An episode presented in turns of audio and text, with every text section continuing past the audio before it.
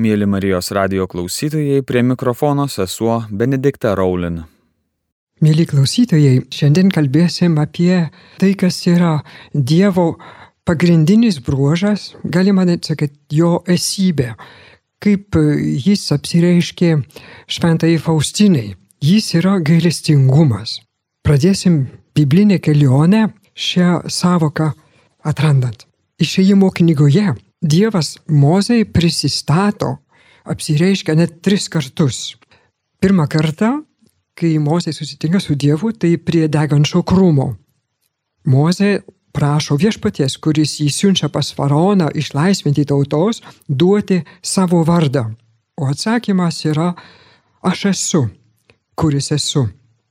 O šis apreiškimas ateina po to, kai viešpats yra pasakęs Mozei, aš mačiau, aš girdėjau, aš gerai žinau savo tautos kančią ir skausmus, girdėjau jų šauksmus, aš nužengiau išgelbėti. Tai reiškia, kad Dievas visų pirma Mozai apreiškė savo, drįstumėm pasakyti, jausmus ir savo užmojį, savo artumą, savo rūpestingumą tautą ir savo veiklumą. Ir po to jis apreiškia savo esybę aš esu. Tai Dievas, kuris nėra kažkoks Jupiteris sėdintis savo danguje. Dievas, kuris nėra abstraktus. Dievo gailestingumas yra be galo konkretus ir susijęs su konkrečios žmogaus bei tautos e, istorija, kuria domisi kuriejas. Aš mačiau, aš girdėjau, aš gerai žinau, aš nužengiau. Vėliau išėjimo knygoje 33 skyriui Mozė, kuris kalbasi veidas į veidą su, su Dievu, mums sako Biblija, prašyčiau parodyti man savo šlovę. O Dievas atsako, aš padarysiu, kad praeis prieš tavo akis visas mano gerumas. Žodis čia yra tov ir ištarsiu prieš tave vardą viešpats Jahve. Aš maloningas, žodis čia yra hen, tiems, kuriems esu maloningas ir pasigailiu, žodis čia yra rehem, tų, kurie, kuriuo pasigailiu. Tai trys žodžiai čia tov, kuris išaiškia Biblijoje visą, kas gera, kas malonu, kas saugu, visą gerovę ir grožį. Žodis hen iš veiksmažodžio, kuris reiškia pasilenkti meiliai ir žodis rehem iš žodžio rahemim, kuris reiškia moters iščias. O kontekstas šito apreiškimo yra Izraelio juodžiausia nuodėmė. Jie ką tik garbino auksinį veršį, nusisuko nuo, nuo viešpaties, apleido sandorą, kurią jie gali, tą ką tik buvo sudarę su Dievu. Ir po to Dievas atsiliepia į e, Mozės prašymą, parodyti man savo šlovę, prieina prieš Mozę, kuris turi būti užsidengęs veidą ir ištara. Tokia, tokia yra Dievo ištara, prisistatant, pristatant savo šlovę. Aš paskaitysiu hebrajiškai ir išversiu. Adonai, Adonai, El Rahum vehanun, Erek apaim verab Hesed ve Emet. Šita formulė, nu, kur yra Rahum, Hanun, Hesed, Emet, šita formulė dažnai kartojama Biblijoje, pranašuose ir psalmėse kaip Dievo tapatybės išsakymas. Pavyzdžiui, turim 103 psalmę, 8 eilutę. Viešpats yra gailestingas, mylintis, lėtas supikti ir kupinas ištikimos meilės. Truputį dabar daugiau apie tuos žodžius. Jau minėjau Tov, e, žodis, kurį randam septynis kartus pradžios knygoje pirmam skyriui. Nes kūrinė iš esmės yra geris ir Dievas žiūri į ją su žavesiu, su meilingu žavesiu. Toks e, žvilgsnis, kuris mato tovą, yra žvilgsnis, kurį pakelia, prikelia žmogų, kuris atstato žmoguje orumą, mm, jausmą, kad esi vertingas, kad esi mylimas. Mm, tai tov. Tai yra Dievo atributas. Kiti žodžiai yra susijęs su santykiais. Turim žodį chesed, kuris yra dažniausias terminas, kalbant apie Dievo meilę, galestingumą Biblijoje. Jis išaiškia pirmą pradį gerumą, tyrą, besąlygišką meilę. Tokia meilė talpina gailestingumą, atjautą, atleidimą ir ištikimybę. Yra tėviškas rūpestingumas arba bičiulystė, santuokinė meilė, šeimos solidarumas. Chesed suponuoja ištikimybę ir lojalumą, nes suriša. Dėl to tai yra esminis santoros žodis. Chesed iš esmės yra veltui, besąlygiška ir taip pat nenuosaiki, jos yra apščiai. Yra Talmude vienas labai e, gražus posakis, kaip apibūdinimas žmogus Kas yra žmogus, kuris yra hasidė? Mm? Jis yra tas, kuris sako, tai, kas mano, yra tavo, o tai, kas tavo, yra tavo. O tokia besąlyginė meilė. E, psalmė, 103 psalmė jau minėta, išaiškia Dievo meilė tuo pačiu žodžiu ir nusako, į ką ši meilė yra panaši. Yra Dievo meilės bruožai, ką daro ir ko nedaro. Tai cituoju e, psalmę 90 eilutę. Ne visą laiką jis barėsis, nei bus supikęs per amžius, jis elgėsi su mumis ne pagal mūsų nuodėmių dydį, nei atmoka mums pagal mūsų kaltes. Meilė, kuri išeina iš proto ribų.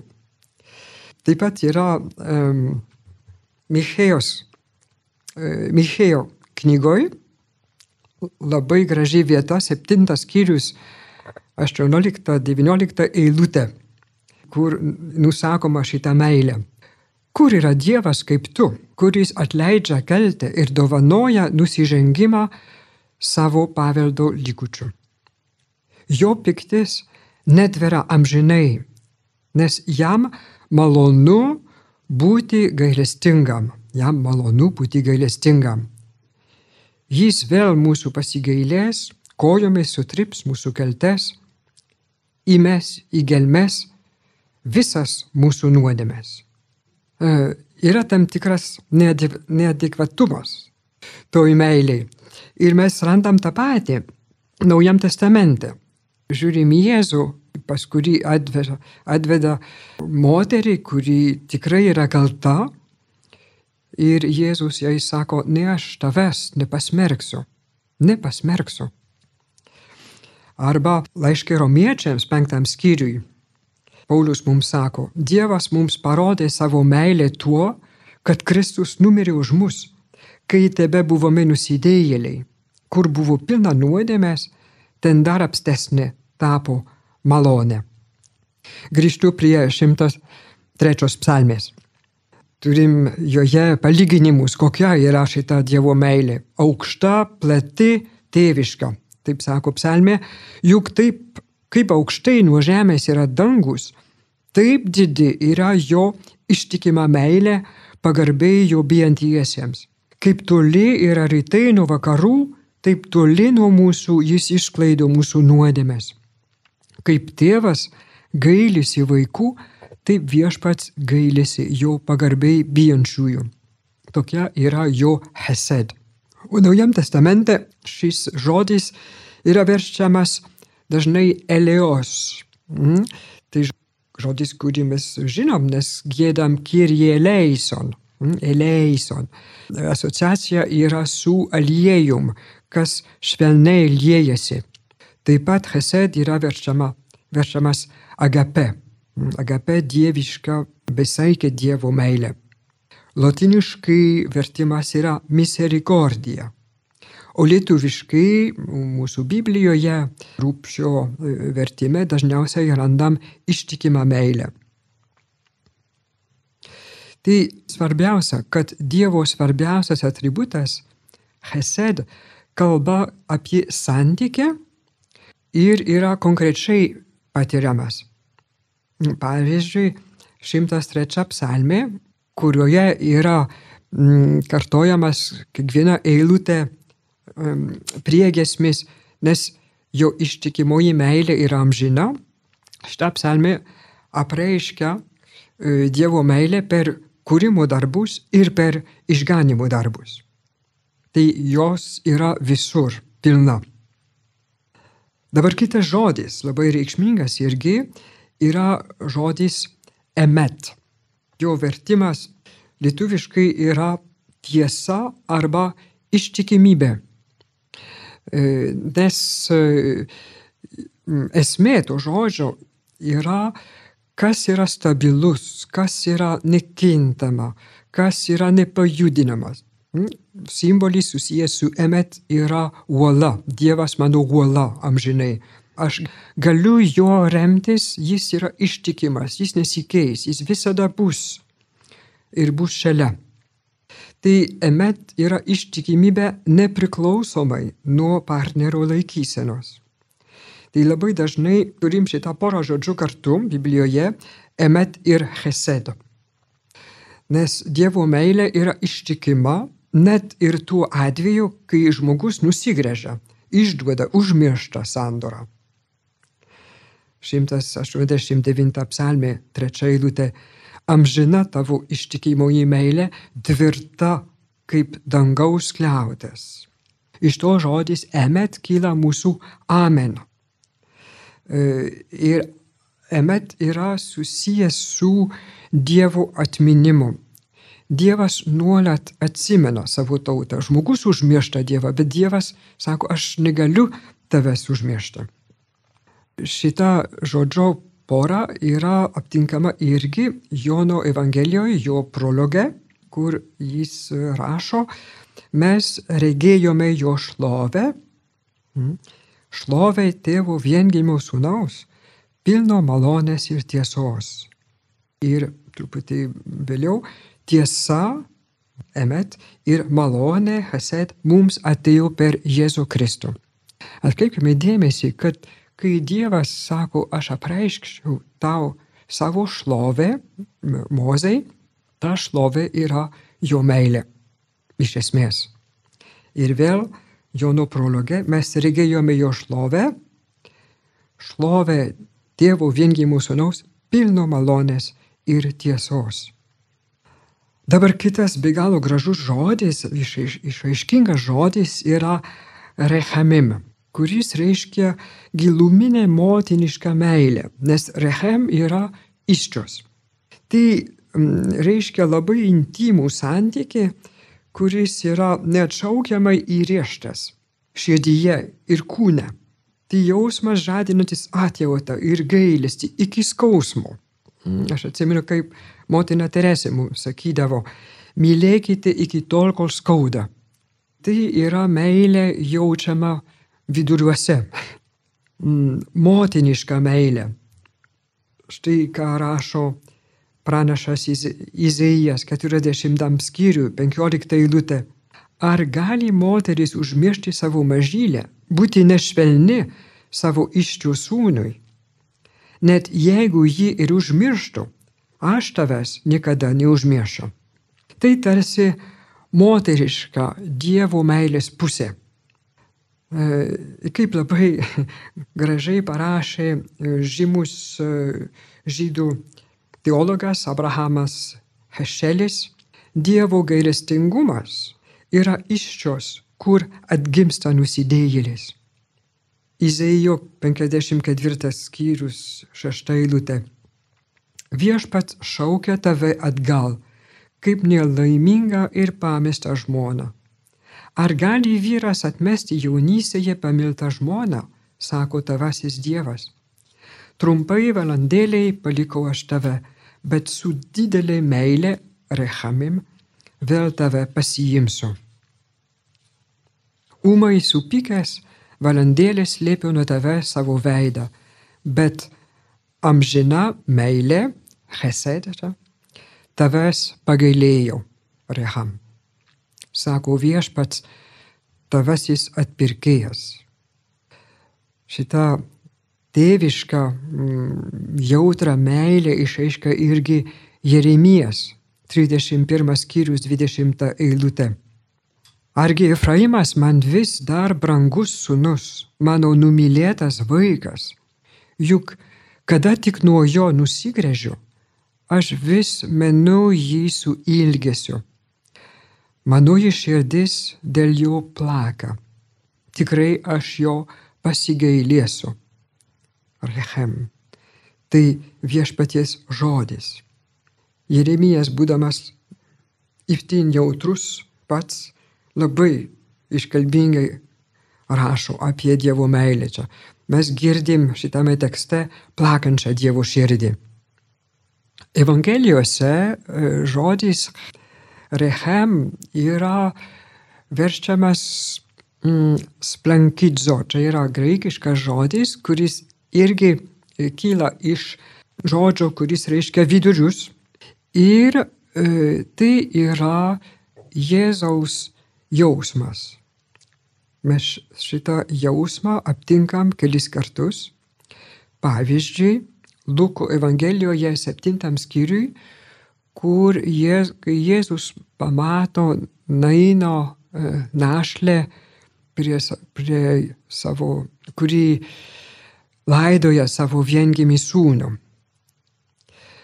Taip pat e, Mato Evangelijoje 9 skyriui 36 eilutė Jėzus mato mines ir jis gailėjosi, matydamas jas kaip avis be piemens, pavargusias, išsekusias, pasimetusias. Spankidzain. Ir e, pats Jėzus savo palyginime apie tėvą, gailestingą į tėvą ir du sūnus vartojo šitą veiksmažodį, kai e, jis aprašo tėvą matantį grįžtantį sūnų. Irgi tėvą apima gailestingumas iki, iki vidurio, iki iščių, drįščiau pasakyti, kai jis mato savo sūnų. Šitas žodis irgi yra Zacharijo giesmėje, Luko Evangelijoje, pirmas skyrius 78 eilutė, kur Zacharijas gėda Dievo gailestingumą, sako, dėl širdingiausio mūsų Dievo gailestingumo. Čia štai šitaip skamba mūsų vertimas. Kitas žodis, kurį jau minėjau, yra hen. Jis yra verčiamas malonė arba gailestingumas. Ir jo šaknis kyla iš veiksmažodžio, kuris reiškia nusilenkti su meilumu, su geranoriškumu. Tai yra tėvo, tėviška, motiniška meilė mažam vaikui. Iš to e, žodžio kyla vardai, kurie yra reikšmingi. Mm, Luko Evangelijoje ypatingai Hana ir Jonas, Johanan, Dievas gailestingas. Taigi Biblijoje gailestingumo savoka yra išreikšta keliais labai skirtingais, labai iškalmingais žodžiais, kurie visi kartu nusako Dievo esmę, jo giliausią tapatybę. Tai dažnai kyla mums klausimas, nu bet Biblijoje, ypač Seniam testamente, dar yra kalbama apie Dievo rūstybę ir dažnai kalbama. Tai galėsiu trumpai į tai atsakyti ir po to grįžim truputį prie galestingumo. Hmm. Kada Dievas pasirodo rūstus? Dievas pyksta ant žmonių, kai šie eina į pražūtį. Arba kai veda kitus į pražūtį, arba sunaikina Dievo sukurtą harmoniją dėl jų pačių gėrio. Tai Dievas prie tokios nelaimės negali būti abejingas. Ir tai yra išreiškiama rūstybė Biblijoje. Turiu asmeninį prisiminimą iš gyvenimo, kai e, supratau Dievo rūstybę. Tai aš kalbėjau vieną kartą su vienu jaunu tėčiu ir prie mūsų žaidė jau labai maža, mažas vaikas, kokių dviejų metų berniukas. Ir vienu metu šitas berniukas užlipo ant, ant tvoros ir atsidūrė pavojui, nes už tvoros buvo dviejų met, metrų duobė. Tai tėtis, kuris jį žiūrėjo iš akies kampo, pamatė, nutraukė e, bendravimą su manim, puolė griebti šitą vaiką už užpakelio, pakėlė prieš savo veidą ir e, grumojo jam, ką tu dražiai, labai pyko ant jo. O vaikas, aš galvoju, kad pradės verkti, bet tas berniukas neverkė, žiūriu į savo tėtį ir tikriausiai suprato, kai, kad šita rūstybė yra meilės išaiškia ir išsipšiojo ir liko ramus. Ir tada supratau, tai va, Dievo rūstybė yra tokia, jis, jis mato, kad esame pavojui dėl savo, dėl savo kalties ir negali būti abejingas. Ar Dievas baudžia? Garistingas Dievas baudžia. Nu, mano e, mačiutė sakydavo, o, o, Dievas tave, gerasis Dievas tave matoj nubaus. Nu, čia truputį ne, neskamba labai gerai. Ka, kas yra Dievo bausmė Biblijoje? Tai yra post factum, po įvykio. Tam tikros nelaimės yra suprantamos kaip nuodėmės pasiekmes. Ir jo, jos yra interpretuojamos kaip Dievo bausmė. Tačiau turime atsiminti, Jėzaus apreiškimą apie šitą klausimą, kai su mokiniais jie aptiko neregį, gimusi neregį žmogų, mokinių klausimas, kas nusidėjo, ar jis, ar jo tėvai, o Jėzaus atsakymas, nei jis, nei jo tėvai. Tai lyga nėra bausmė už kažkieno nuodėmės. O jeigu norim interpretuoti kaip Dievo bausmę tam, tikrus, tam tikrų dalykų, tam tikras bėdas, kas mums atitinka, tai turim tai daryti laiško žydams šviesoje. Laiškas žydams 12 skyrių mums kalba apie Dievo bausmę, bet jis, e, autorius mums sako, jeigu Dievas jūs baudžia, tai reiškia, kad jis jūs myli. Kuris tėvas nebaudžia savo sūnų? Bausmė yra auklėjamoji ir ji išaiškia rūpestingumą ir meilę. Jeigu dieva, vaikas nėra nubaustas, reiškia, jis yra apleistas, nemylimas. Taigi, galime žvelgti Dievo pedagogiką, jis leidžia žmogui arba tautai Senam testamente lyg vaikui patirti neištikimybės ir nuodėmingų pasirinkimų skaudžias pasiekmes ir tada visada atveria naujas galimybės. Jis duoda naują ateitį. Pavyzdžiui, kaip parašyta pakartoto įstatymo knygoje, ketvirtam skyriui 31 eilutė. Viešpats tavo Dievas yra gailestingas Dievas. Jis tavęs nepaliks nesunaikins. Jis neužmirš savo sandoros. Seniam testamente šita Dievo ištikimybė po ir nepaisant visų tautos neištikimybių. Ypatingai reiškėsi tremties Babilonė metu. Čia ką rašo vėl pranašas e, Jeremijas 33 skyrius. Sugražinsiu jų tremtinius ir būsiu jiems gailestingas.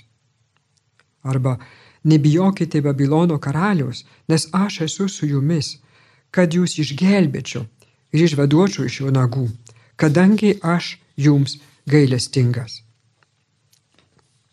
E, kalbant apie Dievo gailestingumą, kuris yra mums kartais sunkiai suprantamas ir, ir priimamas, reikia būtinai uh, cituoti Jonos knygą. Šita knyga e, yra skaitoma per Jom Kipur šventę sinagogose, tai už e, savaitės, man atrodo, bus skaitoma kaip būtent atleidimo, gailestingumo išaiška. Žinot istoriją, Dievas siunčia pranašą Joną perspėti Nineviečius, kad jis juos nubaus. Nineve tikrai pagal Bibliją yra verta bausmės, tai yra labai žiauri tauta, kuri sunaikina visas kitas tautas, labai žiauriai engia jas. E, žinom, kad Jona nepriima šitos misijos, jis pabėga, po to jis yra gražinamas prie misijos ir atlieka šitą misiją. Vieną dieną skelbia Dievo bausmę Ninivei ir jo nuostabai visi atsiverčia. Šitie baisus, e, žiaurūs niniviečiai atsiverčia, atgailauja. Jona išeina iš miesto, jis laukia tos bausmės kadangi izraelitas jis yra kentėjęs nuo nineviečių, tai jis laukia tos bausmės, laukia ferverkų ir nėra. Jis patenka net į depresiją. Dabar skaitau tekstą. Jona, tai Jona labai suerzino, jis buvo išširdęs. Todėl meldėsi viešpačiui ir sakė, o viešpatie, argi ne tai sakiau, dar savo šalyje būdamas, dėl to iš pradžių ir į Taršišą bėgo, nes žinojau, kad tu esi maloningas ir gailestingas Dievas, kantrus, pilnas ištikimos meilės, pasiruošęs atleisti. Skliausteliuose mes randam tą pačią tapatybės Dievo kortelę, kaip išėjimo knygoje. Taigi viešpati maldauju atink man gyvybę, nes man geriau mirti negu gyventi. O viešpats jam tarė, ar dera tau taip širsti? Tuomet Jona išėjo iš miesto, apsistojo rytinė jo pusėje, pasidarė savo pastogę. Atsisėdęs jo pavėsyje laukė, norėdamas pamatyti, kas toliau atsitiks miestui. Viešpats Dievas parūpina moliūgą, išaugindamas jį virš Jonos, kad būtų pavėsys jo galvai ir apgintų jį nuo blogos nuotaikos. Čia šiek tiek humoro tekste yra. Moliūgų Jona buvo labai patenkintas, bet rytojos dieną jauštant Dievas pasiuntė kirminą, kuris taip pakando moliūgą, kad šis nudžiuvo. Saulė patikėjus Dievas pasiuntė karštą rytų vėją. Saulė taip kepino Jonos galvą, kad jis alpo ir šaukėsi mirties. Jis sakė, geriau man mirti negu gyventi. Bet Dievas tarė Jonai, ar dera tau širsti dėl moliūgo? Jis atsakė, taip, mirsiu nuo širdgėlos. Tuomet viešpats pasakė, tu gailiesi moliūgo, dėl kurio nevargai ir kurio neauginai. Jis per vieną naktį išdygo, per vieną naktį pradingo. Argi aš neturėčiau gailėtis Ninėvės, tų didžiojo miesto, kuriame yra daugiau negu 120 tūkstančių žmonių? Nemokančių atskirti savo kairės nuo savo dešinės ir daug galvijų. Ir tai baigėsi knyga. Jonos knyga mums palieka, mus palieka su šitu klausimu. Ar Dievas neturėtų gailėtis? Nors šitie 120 tūkstančių žmonių, jie nemoka atskirti savo kairės nuo savo dešinės, jie nežino, ką daro. Ir čia jau girdim Jėzos maldą tėve atleisk, jie nežino, ką daro. O mes tada, o mes, kaip Dievo paveiksliai, irgi esame kviečiami atspindėti šitą besaikį gailestingumą. 103 psalmė, ir vėlgi grįžtu prieš, prie jos, sako, jis vainikuoja tave meilę ir gailestingumu. Arba 108 psalmė sako apie žmogų, tu jį vainikuoji šlove ir grožu. Esame Dievo vainikuoti šlove, grožiu, meilė, gailestingumu. Esame sukurti pagal Dievo paveikslą. Reiškia, esame pašaukti dalyvauti Dievo šlovėje ir grožyje. Ir būtent Meilė ir gailestingumas kuria mumise Dievo panašumą. leidžia mums atspindėti Dievo grožį. Kai Jėzus sako, būkite gailestingi, kaip jūsų tėvas yra gailestingas, jis tęsia ir aiškina Dievo liepimą, kurį randam Senam testamente. Būkite šventi, nes aš, aš esu šventas. Būkite gailestingi, kaip aš esu gailestingas. Taigi, dosni, ištikima, užjaučianti ir atleidžianti meilė yra tyriausias Dievo atspindys žmoguje. Taip pat ir bažnyčioje. Nes bažnyčia yra atleistųjų ir atleidžiančiųjų brolių seserų bendruomenė. Šioje laidoje savo mintimis apie gailestingumą šventajame rašte dalinosi sesuo Benedikta Raulin. Likite su Marijos radiju.